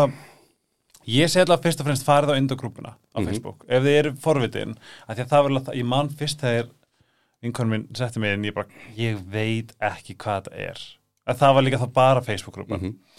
Ef maður ætlar að skipta, það er líka sem ég er búin að ofugsa, fer ég bara inn á, hvað ger ég? sko, þú fer bara inn í App Store eða Play Store Já, á símanum, nær leitar að Indó þar poppar upp þarna litla græna Indó kvaruð okkar já. sem er alveg indislegt og opni sem er sett Indó aftur á bak Ah, spekli, ó, það er On- opni. Indó aftur á bak. Í, eða svona eins og það er í spekli Já, í spekli, Já. okkar er, ég, ég er eitthvað hægur dag. og hérna nærriðapið fer í gegnum bara innskáninguna og þegar- Ótni, einmitt þegar það var að koma, Eh, sorry. sko. og hérna þegar búið með innskáninguna þá hérna ertu bara komið bankareikning. Já, eh, debitkortið kemur inn í síman í Apple Wallet eða Google Wallet bara um, á miðnætti eftir þú stofnar reyningin, þá getur byrjað að nota það. Svo kemur kortið þín. Um, þetta er ekki flóknir það og yfirleitt er fólk svona en það er ekkert að færa allt yfir og eitthvað, svona, það er ekkert bara millifæri inn á bankareiningin sko. Já, það sendur ekki eitthvað svona, að því að nú er ég í landsbankunum, ég þurfti ekki að þá eitthvað svona taka, að því, þú getur farið inn á landsbankan Já. sem bara eitthvað millifæri inn á nýja bankareiningin minn sem er bankanum með 2200, höfubók 26 og svo eitthvað svona reikningur, reikningsnúmer sem þú velur svo getur þú talað við vinnuveitandi en það heyrðu hérna frá með næstu mánaðamótum ertu til að leggja inn á þennan bankareining ú, þannig, og hvað er ekki svona? Nei, nei, nei. Ah, og fólk er yfirleitt jafn, svona, það, það er fljótara að stopna reikningin heldur en að hlusta á lélegt júróvísanlag hvað er það að tala um? flest. Hey, know your audience. Þegar þú horfður sérst ekki á Melody Festivalin gær. Nei, ég, að, ég er nú bara að tala um svona í gegnum söguna sko. Það hafa nú verið mörg vond júróvísan Það er rosa rétt Króatíja í ár ræðilegt til dæmis. Eh, En heyriður he, þú ert búin að heyra nýja Lorín? Nei, það, ég rekna með að það hafi unnið í gær. Það vann í gær, Já, já, já. það er svo styrlað Oh my god. Þú horfður á Júrusun ekki í mæ ég, ég, hef, ég er alltaf með svona júróvísan partí mér finnst þetta gegn og ég er alltaf, þetta er alltaf svona partí er alltaf í undankefninni Já, vegna þess að svo er bara bónus eða það verður afturpartí í hérna meinar. sko. þetta er svo gaman. Vá hvað ég er ánæg með það. Ég, Þú ert líka, sem mýl ally, þú ert með regnbúa hérna uh, Gaur á Apple úrniðinu ég þól ekki fordóma vegna þess að þeir eru bara asnalegir. Þeir eru kjaftaði við erum hérna, alveg sér að segja við enda, við, við ætlum bara að vera við sjálf. Þannig, þannig virkar þetta. Mhm. En maður getur ekki verið maður sjálfur ef maður vill ekki að aðrir fá að gera það líka ég bara hef ekki skilað okkur fólk þarf að fara í eitthvað mót og vera ég verð að vera svona hérna og öðruvísin hins ég bara, verður bara þú sjálfur sko, eða þú Einmitt. sjálf, eða þú sjálft Einmitt. Þú er svolítið magnaður. það það Og ég vissi það pínu þegar ég skrifaði til ég veit ekki okkur. Það er eitthvað svona, there was something right about it. Hvað hérna, þú veist, hvernig finnur þig í, að því nú ert þú bara einmitt kallmaður og þú ert í þessum geira, þú veist, hvernig, þú veist, og svo talar líka, þú ert, þú veist, pöngari með rebelisma í þig líka, þú veist, hvernig finnur þig í þessum geira, þú veist, nær, þú veist, segjum bara að þú sitir inn á borði með þessum köllum, mm sem að kannski, og nú er ég bara komið stereotypi í hausinn skilju, þú veist hvar finnur þið þarna, eða ertu kannski meira bara hvað, herri, ég bara, þú veist, ég, ég er bara ég, eitthvað svona, þú veist, hvernig, hvernig navigator þig í þa- þarna? Bara alveg er að tala við þig. Já, ég, ég, það, ég er alltaf svona sko, einhvern veginn. Bullaði út í loftið og tala um hluti sem ég hef ekki tundsvit á og segja bara hvað mér finnst og svona. Já, og það er bara allir læg og þannig var það líka þegar ég var að venni í Íslandsbanka nema núna er ég búin að lofa sjálfur mér því ég ætla aldrei að mæti jakkafötum í vinnun aftur. Nei.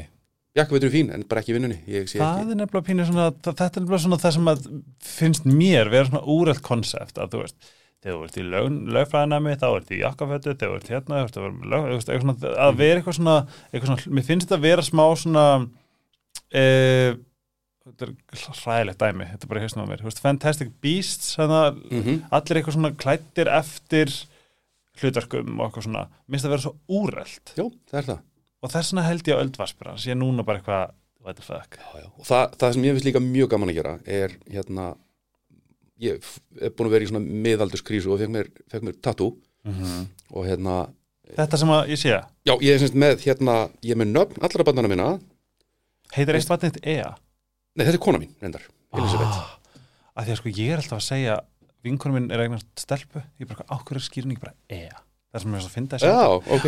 Nei, sérst, ég, þetta er sérst, það merkingar nafna bannana mína sem eru hérna. ah, allra sex. Og mér finnst gaman að fara á svona fundi já, og sitja ekki í jakkafötum og láta hérna sjást í tattúin vegna þess að fólk á ekki von á því. einmitt Mér finnst það bara geggjað. Það er bara svona aðeins koma hrist upp í þér, vera öðruvísi. ég nefnilega var, ég, ég spurði mig sko þegar ég la- lagði bara hvað einmitt, ég hugsaði fyrst, og ég vona sér úlpið að kallinninni og svo var ég bara hvað, ætla hann sé ég mitt jakkafötum eða hvað svona ég svona, ég, það er alveg gaman að spurja sig Já. svo mættir þau mitt bara frekar, frekar nettur eðlur maður Já, ég hérna einhverju ókýrsleiri kam og úlpu sem ég gert á búst að að þetta var hlýjast úlpan sem ég fann. Já, Já. nei, mér fannst það bara, þetta er svona hressandi Já. Við gekkum gleruðu líka AliExpress. Það, fyndi, ég ætla að fara að segja Selína eða eitthvað Ég er alltaf að missa að nefuna eitthvað svona, þá bara má þetta að fara í gólfið það því að þetta kostar 300 gall, sko. Já, Aldrei.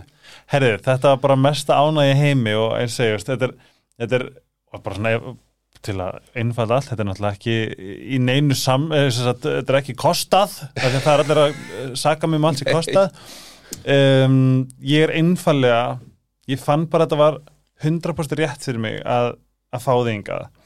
Að því ég er í einhverju kerfis rebelisma Mm hann fyrir ekki hann ristir ekki djúft en ég vil fara að sjá sjálfstekkingu í grunnskólum og mentaskólum og háskólum -hmm. skilu, það er ekki nóg að bara eitthvað við erum í jókaherbyggi skilu, eitthvað svona veist, það er sem ég er, ég er svo innilega að reyna að innvikla að fólk þekki inn á sjálfa sig og taki ábyrða sjálfa sér og gerir mistök og tekur ábyrðaði og læra þeim. Veist, það er eins og það sé bara í núverandi samfélagi bara hvað fólk bara, þú veist, það sýnir svo sanna bara, það er bara úrstu erfitt fyrir marga.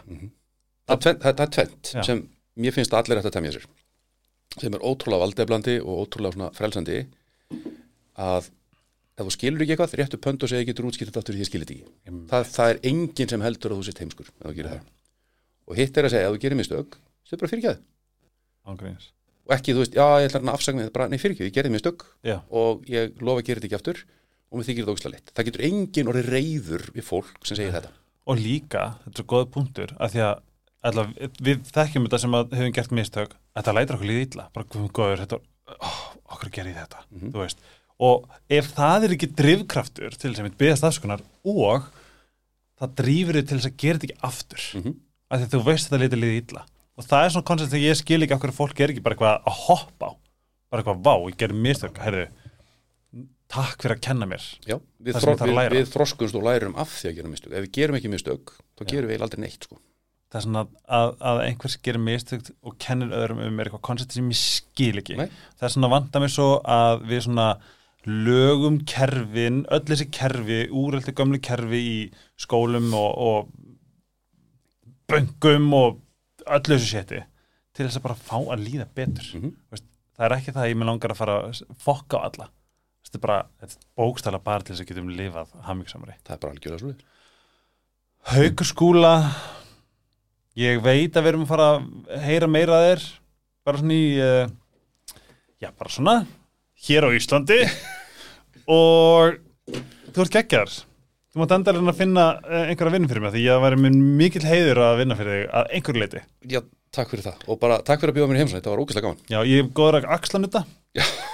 Svo allir séu sennar og góður í öxlanum ég segi svona, en hérna en ángriðs, innilega og öllu leiti ertu gjössalega frábær. Takk að kjærlega fyrir það, sem leðis í lokin, hvað er besta ráð sem þú fengið? Besta ráð sem ég hef fengið? Um, Það er Hugminn, segðu bara alltaf satt. Segðu bara alltaf satt. Það er ógeðslega einfald, einfalda lífið alveg geggjað. Það einfalda lífið fokki mikið. Ég ætla að taka þetta í hærtað Ú, ég að taka í hærtað Já. Ég segi alltaf satt. Ég er alltaf meira að ég rís og fell með því sem ég segi. Mm. En ég er líka Ég get alveg komið hvítur á til. En það er alltaf í góðu gríni. Já. uh, Indo.is væntalega Já, Indo í App Store. Mm og Playstore og Play Store. Hver er með Play Store? Nei, tjá. uh, og Play Store og og ég fara Hauk skúla á Instagram allir að followa. Í guðunabænum ekki gera það. Það er alveg heila fimm myndarinn inn eða eitthvað. Jí, En við Indo er á Insta. Ég er að segja það, Já. ok, það er þetta, það þetta gott stöf og hafið auga fyrir hérna af því að það er ógeðslega skemmtilegar. Og ég myndi líka followa Byrnur út bara því að hún á að skilir Já, uh, hún er fucking fyndin.